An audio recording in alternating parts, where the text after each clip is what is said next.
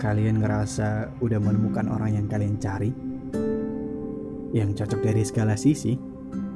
Yang gak pernah protes sama kelakuan-kelakuan menjijikan kalian? Yang punya beribu kesamaan? Ya, aku pernah.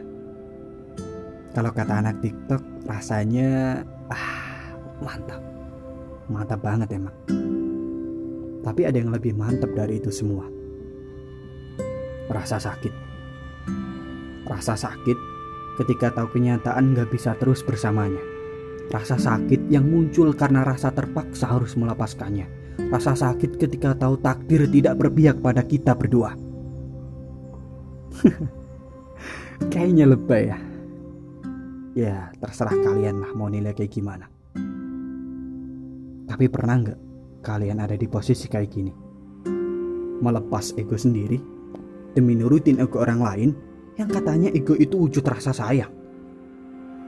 Pernah nggak kalian dipaksa nurutin keinginan orang yang katanya itu demi kebaikan kita, tapi mereka sendiri nggak mau dengerin keinginan kita?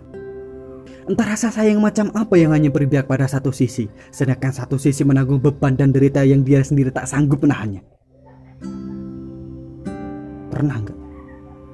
Hah? Pernah nggak kalian di posisi kayak gitu? Itu yang kami hadapi sekarang. Kami harus merelakan semuanya.